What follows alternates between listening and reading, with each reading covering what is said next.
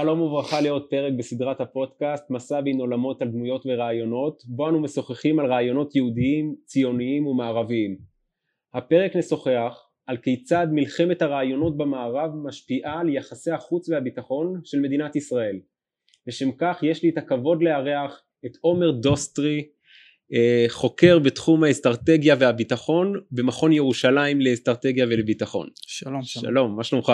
ברוך השם, בסדר גמור. יופי. אז אנחנו מדברים ככה הרבה בפודקאסט על uh, רעיונות uh, מערביים כמו שמרנות, ליברליזם, uh, דת וחילון, ואנחנו מרחיבים כיצד הרעיונות האלה משפיעים בסופו של דבר על החיים של כולנו. ואתה מתמקד בחוץ וביטחון, איך שהליברליזם והשמרנות והרעיונות המודרניים והפוסט מודרניים משפיע על הביטחון כיום בישראל. נכון. לפני שככה אנחנו מתחילים את הדיון אולי כדאי קודם להגדיר מהם הרעיונות המודרניים והרעיונות הפוסט מודרניים. אה, כמובן שאנחנו לא אה, נתחיל לאפיין ולתארך אה, ממתי מתחילה התקופה הפוסט מודרנית זה נושא לדיון אחר כן. אבל בוא נגדיר קודם מה זה הרעיונות הפוסט מודרניים. אז קודם כל אולי עדיף להתחיל עם התפיסות הליברליות mm-hmm. שהן אה, קדמו. התפיסות הליברליות שהושפעו מהמודרניזם וההומניזם בעצם אני מדבר באופן כללי בגדול אני לא עכשיו צולל לפרטים אבל באופן כללי גרוסו מודו הן אה, בעיקר מתייחסות ומתמקדות בזכויות אדם אה, בחירות הפרט ב... בעיקר בדברים האלה, בעיקר בחירות הפרט וב... ובזכויות, בכל העניין של זכויות, בשוויון, אמ, מדע כמובן, רציונליזם ו... וכל הנושאים האלה. לעומת זאת התפיסות הפוסט מודרניסטיות אמ, הן תפיסות אני בכוונה אומר תפיסות או גישות כי אין איזושהי תפיסה הוליסטית אחת של פוסט מודרניזם למרות שנהוג אה, לדבר על תפיסה אחת. אבל זו סדרה של גישות שהן מאוד ספקניות הן מאוד ביקורתיות כלפי התפיסה הליברלית והמודרניסטית. אה, ולפי הגישות האלה פחות או יותר באופן כללי אה, אין אמת אחת זאת אומרת שאם הגישה, אם התפיסה הליברלית באה ואומרת אה, אנחנו עכשיו אה, אה, חוקרים או מנתחים תופעות בהתאם לממצאים אמפיריים הם מבוססים על היסטוריה, על מדע וכיוצא בזאת, התפיסה הפוסט מודרניסטית באה ואומרת לא, אתם לא יכולים לעשות את זה כי אין אמת אחת, כל דבר שהוא נתון ביחס לראיית הסובייקט. אה, ולכן אה, התוצאה היא לא של ניתוח ושל ביקורת מדעית אלא שמה שדרידה התייחס כדקונסטרוקציה. זאת אומרת לוקחים מונחים ופשוט מפרקים אותם בפירוק אינסופי זאת אומרת הכל עניין של נרטיבים. הכל עניין של נרטיבים, מלח... אפשר להגיד את זה מלחמת רעיונות, אמ, הכל עניין יחסי, רל... רלטיבי, רלטיביסטי, בעצם לא, אה, בוא ניקח לדוגמה את ההיסטוריה. אה, הוגים פוסט מודרניים לא, לא אה, מסתכלים על ההיסטוריה כדי לנבון ממנה, אלא משתמשים בהיסטוריה כנשק כאמצעי לעיצוב המציאות הנוכחית בהתאם לאג'נדות מסוימות או בהתאם אה, לרעיונות שהם רוצים לקדם. אה, וזה מה שהם עושים, הם לוקחים מונחים, הם מפרקים אותם, אה, אין איזה משהו שהוא קבוע, אין איזושהי תופעה שאפשר להגדיר אותה אפילו, הכל מאוד אמורפי, הכל מאוד מטושטש. זאת אומרת אם אני צריך לשקף בקצרה את מה שאתה אומר זה שאם ניקח את הדוגמה של אה, הדיסציפלינה הזאת של היסטוריה אז בניגוד למודרניים שלומדים את ההיסטוריה כדי ללמוד מההיסטוריה ללמוד ממנה על העולם הפוסט מודרניסטים לומדים את ההיסטוריה רק כדי לדעת על העולם לא כדי ללמוד מזה על העולם. נכון, רק חשוב גם לציין שהתפיסה הליברלית אומנם הוגים שם, לא, קוראים היסטוריה כדי ללמוד על ההיסטוריה, אבל גם בתפיסה הזו יש איזושהי תודעה או ניסיון להשתמש בהיסטוריה כדי לעצב מציאות ואנחנו נרחיב על זה בהמשך ונראה איך הם עושים את זה בכל הקשור למלחמות והמצאה של כל מיני תופעות חדשות במלחמה וכיוצא בזאת. זאת אומרת יש להם כבוד לה, להיסטוריה אבל הם לא נאמנים לה עד הסוף לדוגמה ממש נגיד את זה באופן ממש כללי הם לוקחים איזושהי תופעה מסוימת שכבר קרתה בהיסטוריה ממציאים לה שם חדש וככה אה, נוצרת תופעה חדשה למרות שכבר היא תופעה שיש לה שם היא מוגדרת היא הייתה בהיסטוריה זה משהו מאוד מאפיין את התפיסה הליברלית והמודרניסטית. יש לך איזושהי דוגמה לזה? כן. אה, קח למשל את תופעת המלחמה. המלחמה בטרור אוקיי? או אוקיי נשאר במלחמה בטרור. המלחמה בטרור היא תופעה ש... מימים ימימה. זאת אומרת זה לא משהו שהוא חדש בעשורים האחרונים או אה, משהו שהוא שהמציאו אותו. טרור היה לאורך אה, אלפי שנים זה, זו תופעה שהיא מאוד אה, ידועה באו הליברלים והמציאו לזה שמות חדשים למשל עימות, עימות מוגבל אוקיי? מול ארגוני טרור. מבצעים שהם לא מלחמה יש מושג כזה בצבא ארצות הברית. כל מיני אה, שמות חדשים. לאחרונה יש שם שהמציאו אה, לשימוש או ללוחמה המודרנית שנקרא אה, לזה לוחמה היברידית אוקיי? לוחמה היברידית זה בעצם זה, זה מונח חדש כביכול שהמציאו אותו או, או לוחמה באזור האפור כתבתי על זה מאמר גם.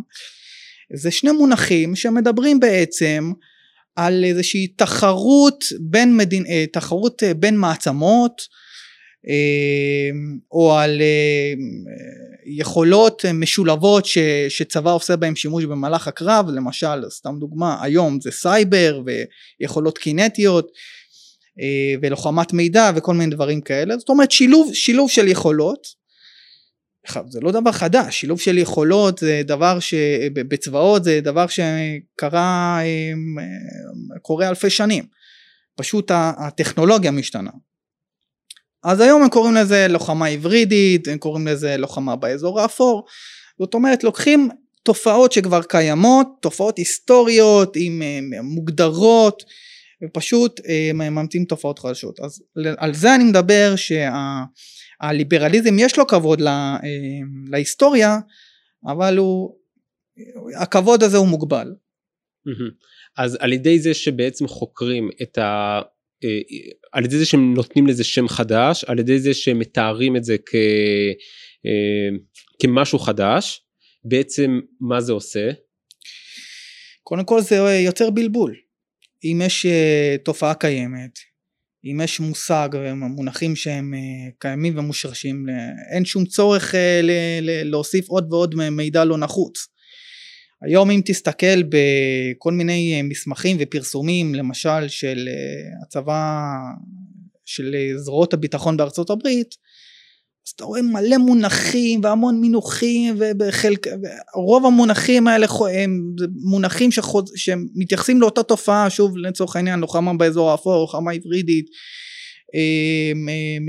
מבצעים או לוחמה שאינה מלחמה כל מיני מונחים כאלה שחוזרים אחד על השני שמתייחסים לאותה תופעה זה בסופו של דבר מבלבל את הצבא זה יוצר בלבול בקרב אנשי צבא. עכשיו אני לא מדבר עוד על uh, קצינים בכירים uh, או מדינאים שעוד איכשהו יש להם זמן לשבת ולהתפלפל בכל מיני דיונים ו- ופילוסופיים ולהגיד איפה פה מתחיל ואיפה נגמר הקו מה יהיה על אלה שעל הלוחמים בשטח אתה רוצה ל- ל- עכשיו להילחם נגד תופעה מסוימת נגד אויב מסוים אתה לא יכול להעביר את זה בצורה בהירה היום לשטח יש המון המון מונחים מבלבלים מונחים מופשטים זה קרה גם בישראל אגב עם המלת"ם אה, מי שזוכר במלחמת לבנון השנייה כל מיני אה, מונחים שהמציאו השתבללות. מה, ו... מה זה מלת"ם באמת? המלת"ם היה גוף בצה"ל אה, שעסק, ב... היום זה נקרא מרכז דדו, זה גוף בעצם שהתפקיד שלו היה לעשות איזשהו סיור מוחות, איזושהי חשיבה אסטרטגית בתוך צה"ל אה, על תפיסות, על מונחים, על אה, המטרות בצה"ל, אה, תפיסות מלחמה. והגוף הזה בעצם הוקם בשנות ה... אם אני זוכר נכון בשנות התשעים על ידי קבוצה של הוגים, אנשי צבא, הוגים שהם בעיקר התבססו על אה, גישות פוסט סטרוקטורליסטיות, אה, פוסט מודרניסטיות, אה, על הוגים פוסט מודרניים והם בעצם ניהלו מערך שיעור, בנו מערכי שיעור שאחרי זה למדו אותם קצינים בצה"ל, קצינים בכירים. ובשיעורים האלה הם בעצם חינכו את אותם, את הקצונה הבכירה וקצונת הביניים לחשוב במונחים פוסט מודרניים. כשבעצם לחשוב במונחים פוסט מודרניים הכוונה היא שלחשוב בצורה אה, נרטיבית לא בצורה של אמת אבסולוטית. למשל כשאני מגדיר מישהו שהוא טרוריסט זה לא הכוונה שהוא הרע בסיפור אלא שזה עניין של נקודת מבט. החינוך הפוסט מודרני בהקשר של המלת"ם בצה"ל היה יותר אה, מכוון טשטוש הגבולות בין מלחמה ושלום אמ, ליחס לדרך ההסתכלות שלנו את האויב על מהו האויב איך הוא מתנהל איך צריך לפעול נגדו עכשיו הכוונה הייתה טובה הכוונה הייתה אה, לגבש איזושהי יצירתיות כדי להתמודד באותו זמן ישראל התמודדה עם, אה, עם אה, עליית הטרור. עכשיו הצבא לא רק של צה"ל הצבאות של אה, העבר צבאות שהם סדירים לא כל כך ידעו איך לאכול את, את ההתמודדות מול ארגוני טרור אז החשיבה הייתה נכונה, הכוונה הייתה נכונה לנסות לחשוב באופן יצירתי איך אתה מתמודד עם, עם הטרור, איך אתה מרתיע את הטרור, איך אתה מנסה לנצח, אה, לא לנצח, סליחה, איך אתה מנסה להילחם נגדו. ואחת המסקנות הייתה שלא ניתן להכריע, לא ניתן להכריע את הטרור. אז מה אתה עושה? אתה צריך להילחם נגד, האויה, אה, נגד אה, הטרור במה שנקרא אה, מבצעים מוגבלים. מראש אתה מגדיר שאתה נכנס לקרב שהוא מוגבל, שאתה לא יכול לנצל את כל היכולות שלך או אפילו 90% מהם בקרב. אתה בא במטרה אה, להקריס את המערכת, ככה רואה את האויב. האויב נתפס כמערכת, כן?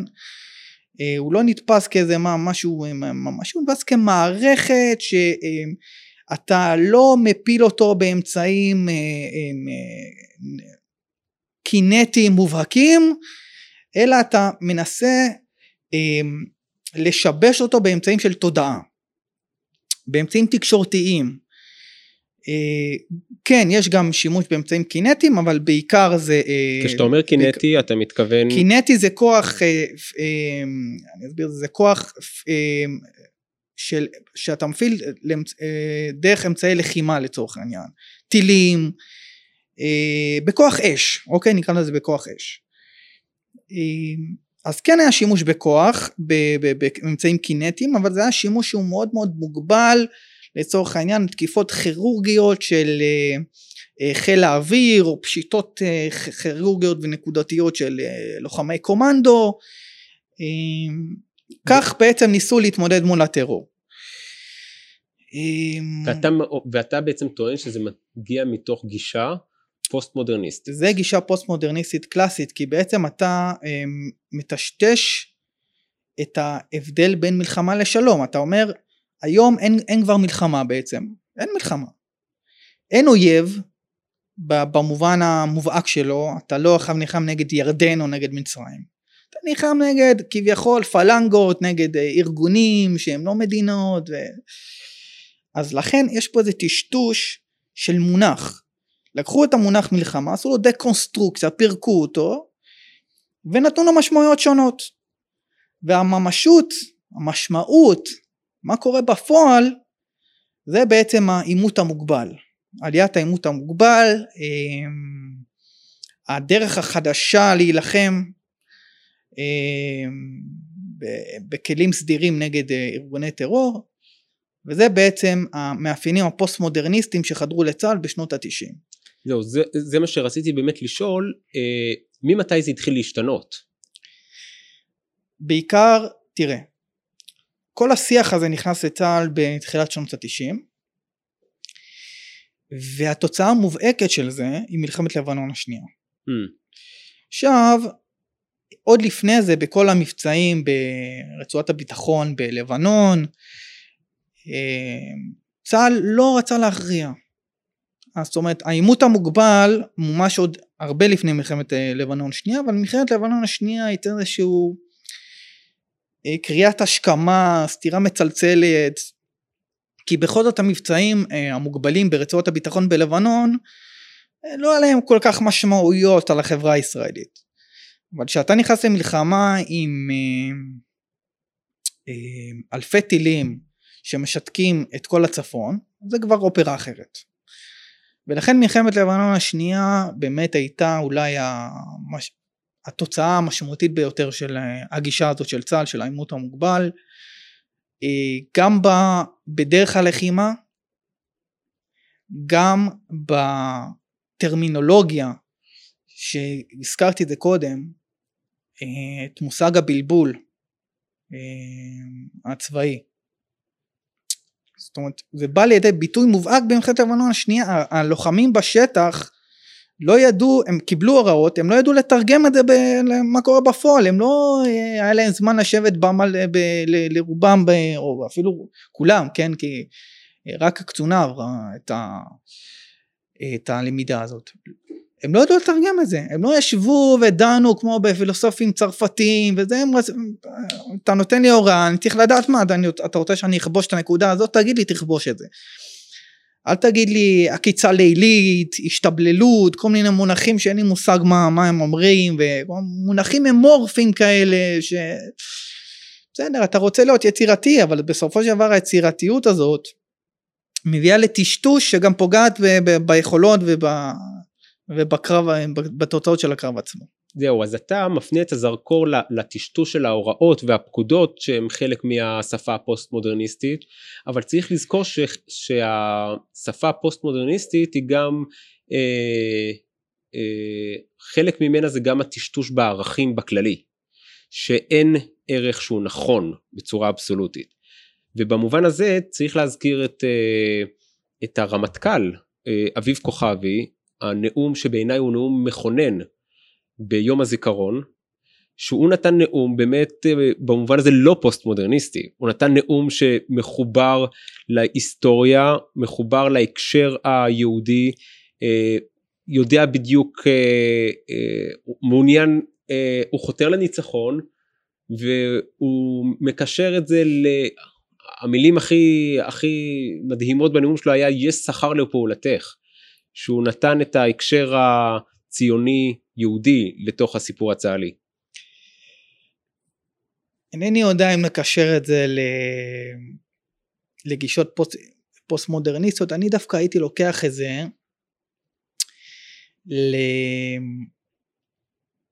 לגישות אה, ליברליות דווקא, ואני אסביר.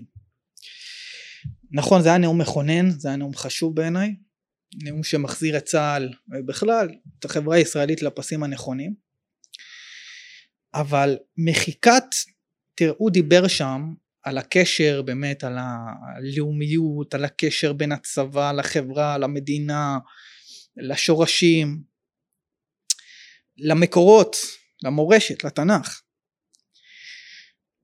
אלה דברים שמנוגדים דווקא לגישות הליברליות שבתפיסה הליברלית, בעיקר הקיצונית, יש איזושהי מחיקה בין ה, אה, של העבר ושל העתיד. זאת אומרת הדור של היום, או אפילו הדור של היום אפשר להגיד, בתקופה המודרנית, לא מייחסים חשיבות כל כך גדולה לעבר ולא מייחסים חשיבות כל כך גדולה לעתיד. הדגש הוא על כאן, על עכשיו, אה, אתה רוצה הכל כאן מיד, אה, אין כבר איזושהי יראת כבוד אה, לספרים מפעם, להוגים מפעם, לגיבורים מפעם, ומצד שני אין גם את הסבלנות לחכות לעתיד, להסתכל לעתיד, לבנות על העתיד, אפילו להתבסס על העתיד, להכין את העתיד, הכל כאן ועכשיו. תוסיף לזה את ה... התחזקות של הגישה הלאומית הגלובלית האוניברסלית. האוניברסלית שזה דבר שמאוד מחליש את, אה, את הלאומיות.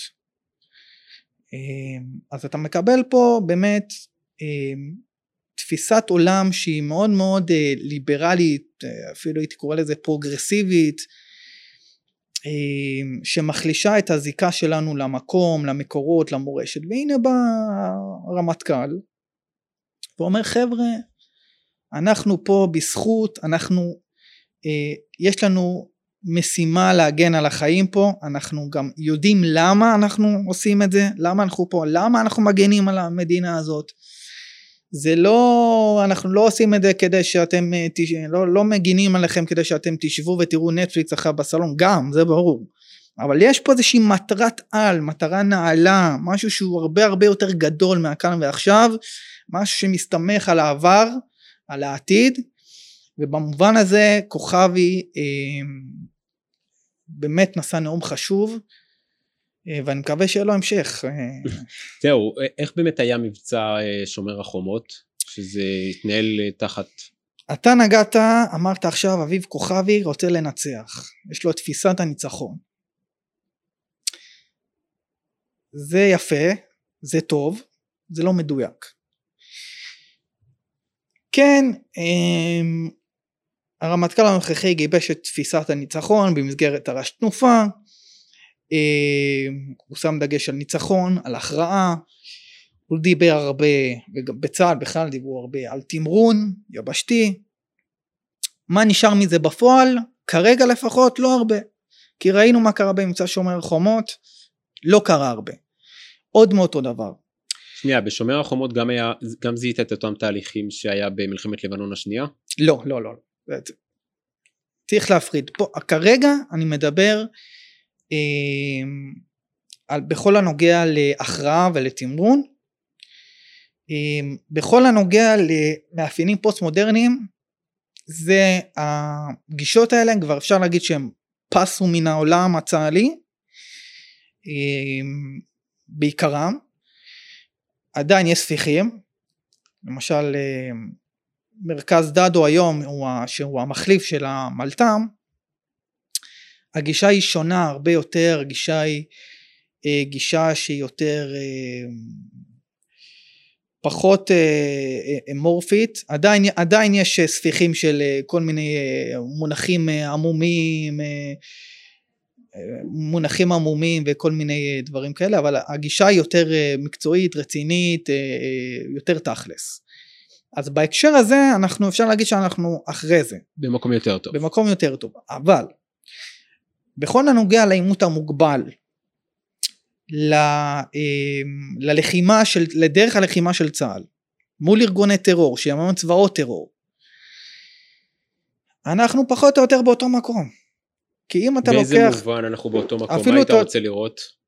הייתי רוצה לראות תמרון יבשתי הייתי רוצה לראות שימוש ברב יותר בכוחות קרקע תגובות חזקות יותר תגובות אה, אם אנחנו אה, בשוטף אז תגובות אבל אם אנחנו במבצע צבאי אז פעולות צבאיות עכשיו תראה. מצד אחד כן היה איזשהו שינוי בכך שצה"ל פתח את ה... אה, או ישראל פתחו את המבצע בעוצמה יחסית לעומת מבצעים קודמים. בדרך כלל ישראל וצה"ל בשנים, בעשור האחרון, לפחות מול רצועת עזה, ששם היו המבצעים הצבאיים, פתחו בצורה הדרגתית. לאט לאט, חמאס לא מבין, אני עולה מדרגה, חמאס לא מבין, אני עולה מדרגה, ככה. במבצע הזה פתחו חזק, יחסית, כן? הפילו בניינים רבי קומות, שזה אה, משהו, בדרך כלל שומרים, אה, שמרו אותו לסוף במבצעים הקודמים. אה, ניסו לחסל אה, בכירים, לא כל כך הצליחו, בכירים מהשורה הראשונה מאוד לא הצליחו, אבל בכירים בשטח הצליחו, גם בג'יהאד האיסלאמי, גם בחמאס. שוב, זה דבר שבדרך כלל שמרו לסוף. אז במובן הזה יש איזה שינוי מסוים, אבל ראינו שככל שהזמן המשיך, שככל שהמבצע המשיך, התגובות דווקא הלכו ונחדשו, זאת אומרת, יש פה איזשהו היפוך. אז בסדר, התחלת חזק, זה טוב, יש פה שינוי, אבל תתחיל חזק ולאט לאט תגביר. במקרה הזה לאט לאט זה נחלש, זה דבר ראשון. דבר שני, לא השתמשו בכוחות קרקע. שוב, כמו במבצעים קודמים, גם פה לא היה חידוש. אומר הרמטכ"ל, לא הייתי צריך לעשות את זה. דיברו איתו קצינים, אה, אה, קצינים אחרי המבצע, שאלו אותו למה לא השתמשת בנו, היינו מוכנים. לא הייתי צריך, הוא אמר להם. העדפתי להשתמש בכוחות אה, אוויריים. אני לא חושב שזה נכון. אני חושב שאם היינו משתמשים בכוחות רגליים התוצאה הייתה הרבה יותר אה, מכרעת והיינו מקבלים שקט להרבה יותר זמן. ולמה אתה חושב שהוא באמת לא ישתמש בזה? במה אתה תולה את זה? את השינוי הזה, את ההססנות הזאת? מצד אחד, כמו שאמרתי, הוא, הוא מאוד דוחף ומקדם ברמה התיאורטית התפיסתית גם את התמרון היבשתי וגם את תפיסת הניצחון. אה, מצד שני זה לא קורה למה?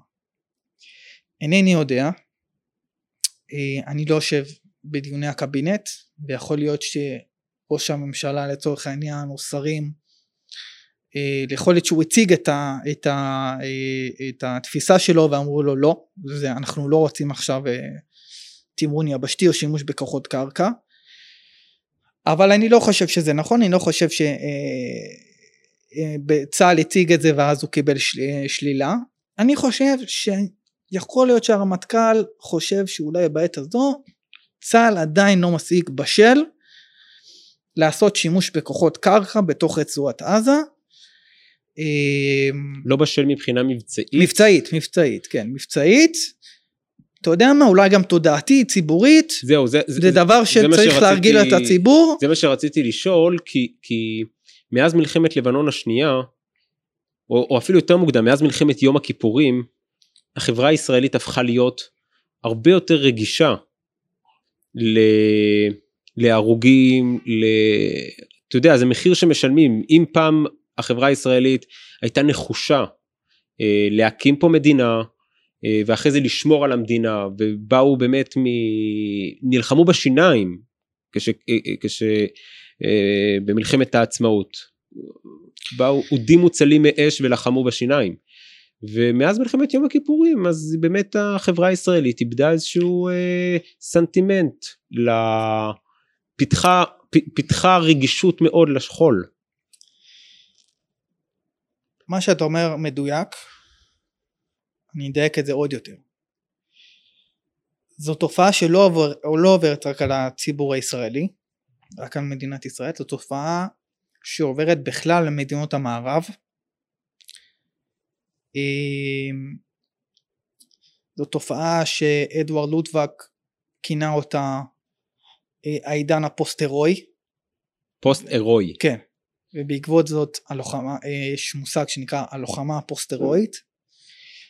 שבעצם מה זה, הפוסט-הירואית. שבעצם מה זה המושג, המושג הזה? המושג הזה בעצם בא ואומר את מה שאתה אומר רק ביותר גדול. הוא, הוא בא ואומר במדינות המערביות בוא נגיד של אחרי אה, מלחמת אה, העולם השנייה או אפילו אחרי אה, תקופת המלחמה הקרה או תוך כדי יש איזשהו נוצר איזשהו חוסר איזון בין הפרט חיי הפרט הפרט לבין הביטחון הקיבוצי של המדינות, של, של החברות. מה זה אומר? זה אומר שהיום אה, נוצרו תהליכים והשפעות בעקבות, אה, בעיקר בעקבות תפיסות ליברליות שדיברנו עליהן. היום אסור להרוג בקרב, אסור להיהרג, כן, בקרב, במלחמה, אה, בניגוד מוחלט לעבר, זה בתפיסתי אני אומר.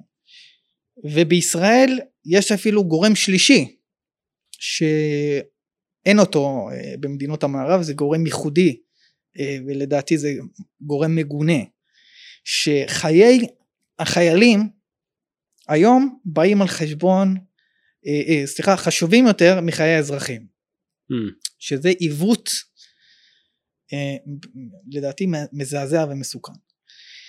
עכשיו כל ההשפעות האלה אסור להרוג, אסור להיהרג, החיילים לפני האזרחים. משפיעים על ה... אין מה לעשות, זה, זה, בתפיסה זה בסוף גם משפיע על ה... בפועל, על, ה... על הלחימה. אז אתה רואה את זה במדינות המערב, שיש חשש מאוד גדול להפעיל את הצבא, אני לא מדבר איתך עכשיו על אה, בעיראק ובאפגניסטן מול במקומות שאין בהם באמת אויבים לצורך העניין מארצות הברית אה, שהם נלחמים שם מול שבטים גם עם זה הם לא מצליחים לנצח כן שוב זה, זה כבר סיפור אחר אה, אבל בוא ניקח לדוגמה את אה, הפלישה את מלחמת רוסיה מול, נגד גיאורגיה ב-2008 ואת הפלישה של רוסיה לחצי האי קרים ב-2014. Mm-hmm. אמ, בשני המצבים, שני האירועים, המערב פשוט לא עשה כלום. המערב פשוט לא עשה כלום למרות שגם גיאורגיה וגם אוקראינה הן בעלות ברית משמעותיות מאוד של המערב. למה הם לא עשו כלום? כי שוב יש איזשהו פער חוסר איזון בין הפרט לביטחון הקיבוצי היום יותר חשוב למדינות האלה אה, כלכלי חיי הפרט, אה, אה, רווחה, כל הדברים האלה הרבה יותר חשובים למדינות האלה, הערכים האלה הרבה יותר חשובים למדינות האלה באופן קיצוני עד כדי כך שהם מוכנים לפגוע בביטחון הקיבוצי של המדינות שלהם. זהו, זה פוגע בביטחון הקיבוצי כי בסופו של דבר כשאתה יותר מדי דואג לפרט אז הפרט בסוף יותר פרטים הרי נהרגים. זו בדיוק הנקודה. זו בדיוק הנקודה. אמ, נכון. ואז זו... בעצם ככל שיש יותר פרטים שנהרגים, יש יותר, אה, אה, יש פחות ביטחון קיבוצי לכולם. נכון. אי אפשר להתעלם מזה. זה איזשהו מעגל קסמים, זה איזשהו מעגל קסמים, שאם אתה לא מטפל באיומים שהם קטנים, בסופו של דבר, למה? כי אתה לא מטפל באיומים קטנים, כי אה, בסדר, אז פה קסאם על שדרות ופה זה לא נורא יותר חשוב לי שאני לא אצא עכשיו אה, לקרב שלא יהיה גם על תל אביב ושיפריע לאנשים בשדרות אה, רוטשילד לשתות אספרסו יותר חשוב לי העניין הזה מאשר אה, לדאוג לביטחון הקיבוצי ובסופו של דבר מה שאתה מקבל זה צבאות טרור מפלנגות וארגוני טרור אתה מקבל צבאות טרור, אתה מקבל את חמאס בדרום, אתה מקבל את חיזבאללה. חיזבאללה היום... זה צבא לכל דבר. זה, לא רק שהוא צבא לכל דבר, זה האיום הכי גדול על מדינת ישראל להוציא את איראן. עד כדי כך. חיזבאללה זה האיום הכי גדול על מדינת ישראל להוציא את איראן. וזה מה שקורה, זה מה שקורה שאתה לא מטפל בזמן באיומים קטנים, זה מה שקורה שיש חוסר איזון בין הפרט לביטחון הקיבוצי, בסופו של דבר עוד ועוד ועוד ועוד פרט, כמה שיותר פרטים בסופו של דבר נפגעים, כאשר אם היית עושה את זה שהאיום היה קטן, אז פחות פרטים היו נפגעים, והביטחון הקיבוצי היה דבר, הבא טליה, דבר קשור בת, בדבר. וזה הסיפור, זה הסיפור של העידן הפוסט הירואי ואותו דבר אגב במערב לא עשו כלום ב-2008 עם אה, גיאורגיה והרוסים אה, פוטין פלש לחצי אי וכנראה שזה גם לא יהיה הנקודה האחרונה. אז דיברנו על במהלך הפרק על איך אה, מלחמה בעידן הפוסט מודרנית נראית ואיך מלחמה בעבר היה נראה אבל כן הייתי רוצה ככה לסכם איך מלחמה בראי השמרנות אמורה להיראות, ואיך מלחמה בראי הליברליזם אה, נראה. כי נראה לי שזה משהו ככה אה, אה, לא כל כך ברור. איך היית רוצה שזה ייראה? שזה ייראה? אני אתאר לך איך מלחמה ליברלית נראית, איך, ב, ב, בקצרה ובמהירות, איך מלחמה פוסט מודרנית נראית, ואיך מלחמה שמרנית או מסורתית או מלחמה באופן הטבעי שלה אמורה להיות. אז מלחמה ליברלית קודם כל דיברנו על חוסר האיזון בין הפרט לביטחון, לביטחון הקיבוצי. שזה, אה, שזה עם ההימנעות, החשש הזה מהימנעות של, של הנפגעים.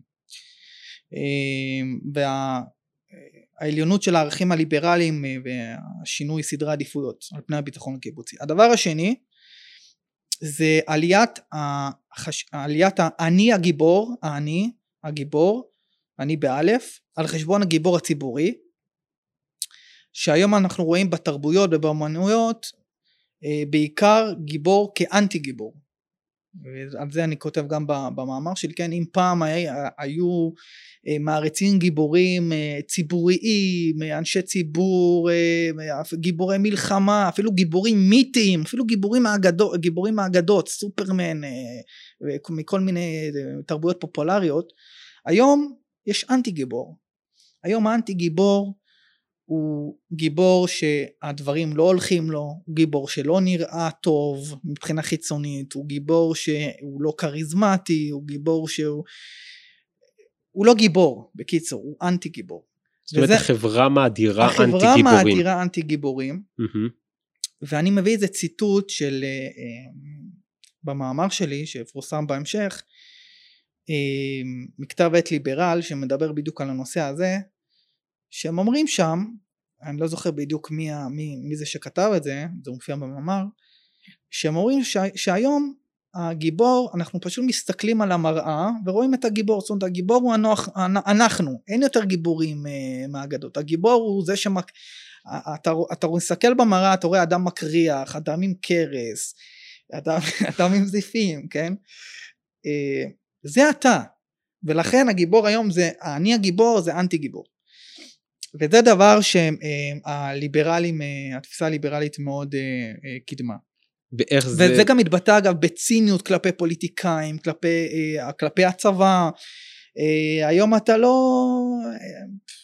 אתה רואה פוליטיקאי כמה הוא נתקל בבוז, בכלל המקצוע פוליטיק, פוליטיקאי, מדינאי, כולם מושחתים, כולם גנבים, כולם רוצים להרע לי וכיוצא בזאת. ואיך זה בעצם מש, אה, משפיע על המלחמה. יפה.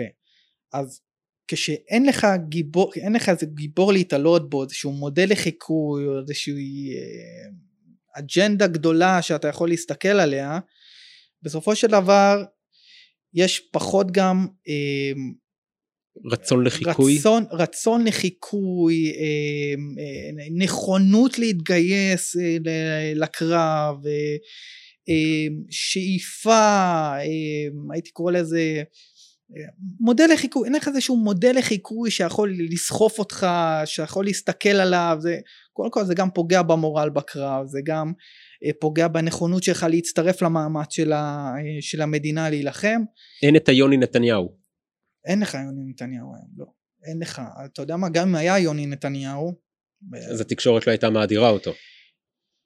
עזוב את התקשורת, אני חושב שהוא נתקל היום בבוז כי היו מדברים על הפנסיה התקציבית שלו ודברים כאלה ששוב אני לא בעד פנסיה תקציבית כן אבל אני מדבר על הרוח על הלך הרוח. אה, הדבר השלישי זה מחיקת העבר והעתיד. אז לזה איך קוראים? לזה איך קוראים? לתפיסה הזאת? האנטי גיבור? אני הגיבור, אני באלף, על חשבון הגיבור הציבורי. וזו תפיסה... אה, זו תפיסה שהם חלק מה, מהליברליזם. חלק מהליברליזם, כן. אוקיי. הדבר השלישי דיברנו עליו זה מחיקת העבר והעתיד. אה, הדבר הרביעי שזה ש... גם שנד... כמו שהזכרת זה פוגע ב... ב... בלחימה של צה"ל. בוודאי כי... כי ברגע שיש פחות הקשר לאומי, פחות הקשר היסטורי, פחות הקשר יהודי, זה פוגע בנכונות של אה, להקריב ולהיקרב. שאתה חברה יותר נהנתנית, אה, חומרי, חומר, חומרית, אדישה, אה, שכל מה שמעניין אותך זה עכשיו, אז כן, זה בהחלט פוגע במאמץ. זה מרכיב את החברה, מרכיב. הדבר הרביעי שבעצם היום אין אויב. זאת אומרת, אין איזשהו אויב מרכזי שאתה בא ונלחם נגדו, היום האויב הפך ליריב. דיברנו על החומריות, דיברנו על ה... אמ, אמ, שינוי הערכים, אז היום האויב שלך הוא סוג של יריב עסקי. אתה לא מכריע אותו, אתה, הוא מפריע לך, אז אתה מנסה לצמצם את הכוח שלו, בדיוק כמו בעסקים. אה, אובמה עשה את זה יפה מאוד, יפה במרכאות, כן? שהוא אה, סירב לכנות בזמנו, שהוא היה נשיא, את, הוא סירב להגיד אסלאם קיצוני. הוא פשוט סירב. עכשיו, שאתה לא, שאתה לא יכול להגדיר שאין לך אויב, שאתה לא מגדיר אותו, אז אתה גם לא יכול להילחם נגדו, אתה, אתה, לא, אתה לא יכול לנצח אותו. כי נגד מי אתה נלחם? Hmm. זאת הבחנה מעניינת ההבדל בין אויב ליריב. אתה אומר אויב זה, זה מישהו שאני יכול לצבוע אותו ולומר הוא הרשע. כן. לעומת זאת יריב הוא לא רשע, הוא בסך הכל מישהו שמפריע לי אה, להשיג את האינטרסים שלי. נכון. ומפה אנחנו שוב נכנסים לתמרון, אה, סליחה, לעימות המוגבל, בניגוד להכרעה. Mm. אה, אני לא צריך להכריע, אני מגביל את העימות שלי, אני זורק עליהם כאן, שם, שם כמה פצצות, הם אה, יירתעו לאיזה חודש, חודשיים, שנה, שלוש, יחזרו, אני נפעל נגדם שוב. וואו, זה ממש מדהים לראות את ה, איך שהרעיונות האלו של תפיסות שלנו כלפי העולם, כמו שאתה הגדרת את זה, איך זה משפיע בפועל כן. על, ה, על, ה, על ההתנהלות שלנו מול, ה, כן. מול האויבים. כן. ואחד מהביטויים של אין אויב זה שאין גם תחושת איבה. שעל זה דיבר בזמנו קלאוזוויץ' אה, שאמר ש... שהוא יצא בעצם נגד הלוחמים השכירים, שכירי החרב, הוא גינה אותם כי הוא אמר הם לא, אין להם, הם לא נלחמים בשביל איזה אג'נדה או אידיאולוגיה גדולה, אין להם את הלהט הזה בקרב, הם עוסקים במשוואות אקטואריות, מה כדאי, איפה כדאי לי יותר להילחם, איפה אני אקבל יותר כסף. אין איזושהי איבה, איבה לא במובן של עכשיו אה, כמו שהמונגולים אה, לקחו אה, אנשים וגררו אותם בסוסים או אינדיאנים, אינדיאנים אה, קרקפו אנשים או אפילו הנאצים אה, הוציאו להורג אה, ללא במשפטי שדה וכאלה באלה. איבה מהבחינה הזאת של מבחינה תפיסתית של אני מרכז עכשיו את כל אמרת יפה הרשע אני מרכז עכשיו את כל המאמץ שלי נגד אויב מסוים כי זה משחק סכום אפס זה שחור או לבן זה או אני או הם us versus them, אנחנו נגדם. ואין היום את התחושה הזאת, תחושת האיבה. אה, זה נוגע בין היתר גם אה, מכיוון שהיום אה, רוב ה... יש פחות מלחמות ויש יותר מה שנקרא תחרות מעצמתית. אנחנו רואים שגם, דיברנו שוב, אנחנו חוזרים לעניין הרוסי. למה ארצות הברית לא עשתה כלום? כי אמרה אני לא במלחמה איתם, הם לא האויב שלי. הם יריבים, אנחנו בתחרות מעצמתית, אז אני לא יכולה, אני לא עכשיו יכולה לעשות משהו שהוא אה, לפתוח נגדה במלחמה, כי הם, הם לא אויב, אותו דבר עם סין. הם לא אויבים שלי, כן, סין היא, פח, היא דוגמה פחות טובה מרוסיה, כי היא, התוקפנות שלה יותר מתבטאת למשל ב, בעולם הסייבר, אוקיי? אה, לפחות כרגע, כן, הם משתלטים שם על האיים אה, אה, בים סין הדרומי וים סין המזרחי, אבל כרגע זה ממש ברמת עצימות מאוד מאוד נמוכה אבל גם מולם גם אותם ארה"ב לא מגדירה כאויב אלא כיריב. איראן. איראן אפילו יותר מרוסיה ומסין מול ארה"ב אני לא מדבר על ישראל. איראן תוקפת כוחות אמריקנים בעיראק. אה, משתפת פעולה עם אה, הטליבן באפגניסטן. בסוריה נגד כוחות אמריקנים. והאמריקנים לא טוב, אז תוקפים מדי פעם איזה מיליציות שיעיות שהן מזוהות עם איראן, אה, לא מזוהות אפילו, נתמכות על ידי איראן בעיראק ולפעמים בסוריה, אבל הם לא אויב, כן? הם הורגים אותנו, הם פוגעים, אבל הם לא אויב, הם יריב, יש שם תחרות. אז זה הדבר הרביעי. עכשיו אנחנו נעבור למלחמה הפוסט מודרנית. אז אה, כל, הס... כל מה שעכשיו אמרנו, כל המאפיינים זה- האלו, הם מאפיינים של אה, גישה ליברלית. גישה ליברלית. עכשיו נעבור לגישה הפוסט-מודרנית. כן. מבחינת הגישה הפוסט מודרנית זה דיברנו כבר על הדקונסטרוקציה של אה, מלחמה היא שלום מצד אחד מצד שני הכל זה מלחמה זאת אומרת אנחנו יודעים שהפוסט מודרניזם זה מלחמת רעיונות אז כשהכל שיש מלחמת רעיונות כל הזמן אתה עסוק בלפרק מונחים אתה עסוק ב- במלחם בנרטיבים במלחמות בשיח בתקשורת בסיפורים אז גם כל העולם שלך העולם הממשי הופך למלחמה אז הכל זה מלחמה. אז אני עכשיו אה, אה, אם אנחנו דיברנו על, על העניין של התחרות ושל היריב והאויב אז זה קיצון אחד אבל הקיצון השני זה שהכל מלחמה.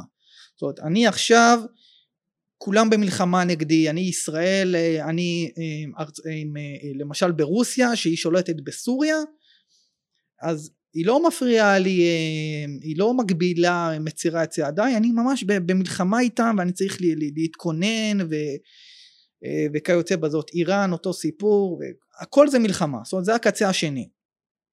אין אמת, דיברנו על זה, ההכרעה לא נעשית בקרב, ההכרעה היא תודעתית, היא תקשורתית, היא דרך מילים, דרך שיח, דרך תקשורת. אמ, וזה דבר מעניין מאוד, בגלל שהרעיונות הפוסט-מודרניסטיים בקושי הגיעו למזרח ול... ולארצות ערב. והחמאס וחיזבאללה מאוד עושים שימוש במלחמת התודעה, במילים, בתקשורת. התודעה היא מאוד uh, מזוהה uh, עם, uh, עם, עם המזרח הייתי אומר, עם סין, עם רוסיה ופחות עם המערב עד לאחרונה, לאחרונה לפחות, תראה, תמיד היה שימוש במערב בתודעה, בלוחמת מידע וכיוצא בזאת, אבל זה היה מאוד מינורי. המזרח השתמש בזה הרבה יותר, מדינות המזרח, כמו שאתה אומר ארגוני טרור, כי אין, האמצעים שלהם מאוד מוגבלים, אז אין להם כל כך ברירה. אגב גם של רוסיה וסין לעומת ארצות הברית, אמצעים מוגבלים, אז מן, מן ההיגיון הוא שהם יותר יפעלו גם באמצעים האלה. בעשורים האחרונים יש יותר ויותר שינוי שצבאות במערב משתמשים בלוחמת מידע ו... מאמצי תודעה, מבצעי תודעה, מבצעי השפעה, יש כל, כל מיני שמות, הם עושים שימוש בזה יותר ויותר. זה תוצאה של, גם של, דיברנו של העידן הפוסט הירואי, כי כשאני משתמש בתודעה אז אני משתמש פחות בכלים קינטיים, בתקיפות. אז אם אנחנו מדברים על העניין הזה, עכשיו בצה"ל כמו שדיברנו עם המלת"ם דחפו את עניין התודעה גם בהיבט הפוסט מודרני שאמרו שאני צריך לטפל במערכת ביריב על ידי התודעה. כי אם אני מקריס אותו מבחינה תודעתית אני אפילו לא צריך לראות כדור אחד. אוקיי? אבל זה בהיבט הפוסט מודרני למה? כי זה המלת"ם הגיע מהתפיסה של אין לי באמת מלחמה אני לא נמצא במלחמה אז אין, אין באמת מלחמה, כן, מלחמה זה משהו סיפור, זה, זה נרטיב, אין באמת... משהו אבסטרקטי. משהו אבסטרקטי, אז אני שם מין איזה, דוחף קוץ לבלון והוא יתפוצץ, אני לא צריך יותר מדי. אז זה, זה דבר ראשון. הדבר השני זה אנטי היסטוריה, שזה גם זה לדעתי דיברנו בהתחלה, על זה שהפוסט מודרניזם לא מסתכל על ההיסטוריה כדי ללמוד, אלא מסתכל על ההיסטוריה ועל, ועל המידע הקיים האמפירי כדי לנסות לעצב עולם על פי השקפתו דרך דרך השיח, דרך התקשורת, כן, זה שוב, זה, זה כלי נשק שהוא משתמש בו. חדשות כזב, כן, פייק ניוז, כל העניין הזה, זה חלק מה, מהייצור. עכשיו מה ההשפעות הכלליות של שתי הגישות האלה ותכף אני מגיע גם על אה, מה צריך להיות ומה זה הגישה השמרנית, השמרנית בעצם אז אמרנו טשטוש מושגי מצד אחד אין מלחמה מצד שני הכל זה מלחמה ריק, המשמעות הכללית זה ריקון מושג המלחמה הדבר השני זה בלבול זהות, אה, זהותי. אמ, מי האויב? אני לא יודע מי האויב. כשאני לא יודע מי האויב אני שוב אמרנו אני גם לא יודע איך להתמודד איתו. אני לא יודע נגד מי, אני לא יודע איך. אה, הדבר השלישי זה כישלון אסטרטגי ומבצעי, דיברנו, דיברנו על אה, מלחמת לבנון השנייה, על העימות המוגבל, על זה שאין הכרעות, על זה שאין שימוש בתמרון יבשתי בכוחות קרקע, דיברנו על מבצעים בעזה כולל האחרון מבצע שומר החומות שלא ו... בא לידי הכרעה. שלא בא לידי הכרעה. עכשיו אני פה אני אפתח סוגריים ואני אגיד שמצד אני מבקר את היעדר השימוש בכוחות קרקע ובתמרון יבשתי מצד אחד אבל מצד שני אני יכול להבין אה, את הגישה שאומרת או הכל או כלום. זאת אומרת אם אני רוצה להפיל את חמאס אני צריך להשתמש, כן, אני אשתמש בכלים אה, קרקעיים ובתימון יבשתי, ואגב זה מה שאני תומך בו, להפיל את חמאס, אה, וזה מחייב תימון יבשתי, אבל אם אני לא מפיל את חמאס, אם אני, המטרה שלי היא לא להפיל את חמאס, אז בשביל מה לי לשלוח כוחות קרקע כדי שחיילים יהרגו בשביל עוד, עוד שנה של הר, אה, אה, הרתעה. אני יכול, אני יכול להבין את זה, אבל עדיין אה, כן אפשר לעשות שימוש אז בסופו של דבר רק עם כוחות קרקע בשילוב אה, כוחות אוויר כן לחימה רב זרועית אה, אתה יכול לדעתי לפגוע בהם בצורה משמעותית שגם אם לא תכריע אותם אז לפחות יהיה לך יותר טווח שקט שקט לטווח ארוך. תרבות צינית ופיחות ברפובליקניזם על זה גם דיברנו כתוצאה מהאני האני הגיבור. שזה אה, תחת... אה, שזה, זה דיברנו על הליברליזם. אה, אנחנו יודעים שהיום גם, כשאני מדבר על רפובליקניזם, אני מדבר על מעורבות חברתית והשתתפות של האזרח בציבור, כמו שדטוקוויל דיבר עליו. על הדמוקרטיה האמריקאית. על הדמוקרטיה באמריקה בדיוק. והיום אנחנו באמת רואים שיש גם פחות אחוזי גיוס, פחות מתגייסים, פחות מתגייסים לקרבי, אה, פחות אה, מתנדבים באופן כללי, זאת אומרת יש יותר התנדבות, יש עלייה באחוזי ההתנדבות אה, באופן כללי לכל מיני עמותות, אבל ההתנדבות היא הרבה יותר קצבת טווח מאשר בעבר. בעבר זאת אומרת פחות שעות. פחות שעות ופחות גם מחויבות ונכונות. עכשיו אנחנו מגיעים למהי בעצם המלחמה המסורתית, המלחמה השמרנית, כמו שאני קורא לזה. המלחמה השמרנית, קודם כל בראש ובראשונה אומרת שטבע המלחמה לא משתנה ולא יכול להשתנות. זאת אומרת אם יש נגדך אויב, הוא אויב. אתה לא יכול להגדיר אותו כיריב, אתה לא יכול, גם אם הוא ארגון טרור וגם אם הוא מדינה, זה לא משנה. אויב זה אויב, טבע המלחמה, המלחמה לא משתנה. טבע המלחמה אתה מתכוון שאנחנו צריכים להכריע. טבע המלחמה, אה, בגלל שטבע המלחמה לא משתנה, אתה חייב להכריע, כן, זה מה שאני אומר. מה שמשתנה זה הלוחמה, איך אתה נלחם. היום אתה משתמש בסייבר, לפני אלפיים שנה לא יכולת להשתמש בסייבר. אבל המטרה היא אותה מטרה, המטרה היא להשיג אה, אה, הישגים פוליטיים באמצעות המלחמה. אז זה דבר אה, ראשון ולכן ההמלצה היא קודם כל להבחין בין שלום ומלחמה כי טבע המלחמה יש הגדרות ברורות יש שלום ויש מלחמה. יש אויב ויש אה, לא אויב. כן עכשיו אה, אתה יודע אה, והדבר באותו הקשר אני מציע גם לשחרר את האיבה היריב זה, שוב אמרנו זה לא אומר שאתה צריך חייב לראות בגופות חס וחלילה או דברים של פראים אלא באופן תפיסתי us versus them. אנחנו נגדם שחור ולבן. אה, אם אני לא מנצח אותם הם ניצחו אותי. משחק סכום אפס. משחק סכום אפס לגמרי. אה, דיברנו על ההמלטה שלי של אה, דיברנו על זה שצריך לפעול נגד איומים קטנים כשהם קטנים. לא לפחד על, על הכלכלה על חיי הפרט. לצמצם את היחס בין השמירה על, על הפרט ועל זכויות הפרט לבין הביטחון הקיבוצי כי בסופו של דבר זה חרב אה, פיפיות בסוף אה, זה, ככל שיש יותר כן, פרטים שנפגעים, נכון, זה פוגע מעגל בביטחון. הקיבוצי. זה מעגל סמי, ושימת דגש על המידה הטובה, על הווירטואו, ההתעקשות על גיבורים ציבוריים אמיתיים, על חיזוק המעורבות הציבורית.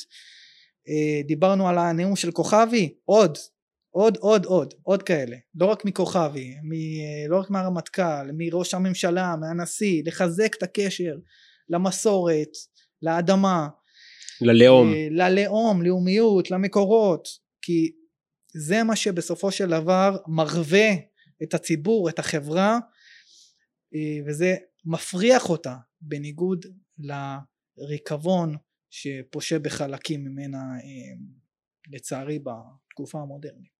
מעולה. אז uh, בפרק הזה מה שעשינו, אנחנו uh, הראינו כיצד הרעיונות של הליברליזם, של הפוסט מודרניזם ושל השמרנות uh, משפיעות על אופן הפעולה שבה ישראל מתייחסת לארגוני הטרור ולמדינות שאיתם היא במלחמה. ובכלל איך כל העניינים האלה השפיעו על ה... אפשר לקרוא לזה התרבות היהודו-נוצרית, על מדינות המערב ובכללם גם על מדינת ישראל וההתמודדות שלה נגד האיומים שמופנים כלפיה. אז uh, עומר, אנחנו כאן בכל הפרקים, הפודקאסט הזה נקרא uh, מסע בין עולמות על דמויות ורעיונות. אנחנו ככה מנסים להבין מה המשיכה של כל אדם uh, שהתארח כאן בפודקאסט להתעסק בדברים האלו. ואתה יודע, האדם הוא תבנית נוף מולדתו, אז הייתי שמח ככה לדעת מאיפה המשיכה שלך אה, להתעסק, כתבת הרבה מאמרים על יחסי חוץ וביטחון, מאיפה המשיכה שלך להתעסק בדברים האלו ולדאוג שהמדינה כאן תהיה יותר טובה? תראה, אני אספר לך שהייתי הולך, שהייתי מגיל ממש קטן וממש עד, אה, עד אחרי הצבא אה, לסבא וסבתא שלי עליהם השלום אה, כל שישי ושבת וכשהייתי בא אליהם היו על השולחן מפוזרים אין ספור עיתונים וסבא שלי ואבא שלי היו מדברים סבא שלי מצד אימא כן? ואבא שלי היו מדברים על עניינים פוליטיים על עניינים של ביטחוניים מדיניות חוץ וסבא שלי בעיקר הוא היה בית"רי איש ליכוד. הדברים היה איש ספר קרא המון המון על ציונות על מדיניות חוץ על פוליטיקה. ואני בעצם ינקתי המון המון על, ה, על, על התחומים האלה שהייתי בא לשם. ועם הזמן התחלתי לקחת את העיתון לקרוא איתם לדבר איתם. ומפעם לפעם אני פשוט נהייתי יותר רעב ל, ל, ל, למידע ויותר צמא ל, ל, לאינטלקט ו, והבנתי שזה מאוד מאוד חשוב ודרך המידע הזה אתה גם יכול להשפיע בסופו של דבר על המציאות אם זה באמצעות הבעה בכתב שלך, בכתיבת מאמרים, רעיונות ואפילו בעתיד בעזרת השם בפוליטיקה, במעשים, בהחלטות. ומשם בעצם לקחתי את זה. זהו זה, זה, זה בעצם בא מהבית. הרצון הזה ש, שבוער להתעסק, לעצמך... להתעסק בעניינים לאומיים כן. אמרת לעצמך במקום שאני אקרא מהצד את מה שכתוב בעיתון אני אשפיע על מה שיהיה כתוב בעיתון. אפשר קודם כל יש לי הרבה כבוד למה שכתוב אז לא רק בעיתון עזוב את העיתון העיתון היה ההתחלה שהייתי ממש ילד אבל יש לי הרבה כבוד למילה הכתובה לספרים בכלל לאינטלקטואליות אבל כן דרך זה הייתי מאוד רוצה להשפיע על המציאות כן גם בכתב ואחת הדרכים לדעתי החשובות ביותר וכן המדינה הזו חשובה לי ואני חושב שדרך זה אפשר להשפיע. אחלה מעולה אז נסיים בהמלצה שהנאום של אביב כוכבי ילמד בבתי הספר לקצינים ובשיעורי אזרחות. לגמרי לגמרי כן בשיעורי הקצונה ובכלל בבתי ספר, אני ממליץ בחום. מעולה. עומר דוסטרי, תודה רבה שבאת. תודה רבה. את הפרק הזה, יחד עם שאר הפרקים, תוכלו למצוא ביוטיוב לצפייה ובכל אפליקציות השמע להאזנה. תודה רבה לקרן תקווה ישראל שפודקאסט זה מופק בחסותה ותודה לאהרון זיידמן ויעקב טוויטור שמקדישים מזמנם היקר לעריכת הפרקים ותודה גדולה לכם המאזינים על כל הפידבקים שאתם שולחים. אם יש לכם הצעות לשיפור או רעיונות לאורחים מעניינים צרו קשר בכתובת המייל שמעון רפאלי 5 שטרודלג'ימל.קום בדף הפייסבוק והטוויטר של פודקאסט מסע בין עולמות על דמויות ורעיונות. תוכלו גם להצטרף לערוץ הטלגרם כחברים בקבוצת הדיונים על הנאמר בפרקי הפודקאסט. שם גם תהיו הראשונים לקבל את הפרקים הערוכים. אתם מוזמנים לעשות מנוי לערוץ ולשתף עוד אנשים נשמח אם תדרגו אותנו ותיתנו חמישה כוכבים כך נוכל להגדיל את קהילת המאזינים.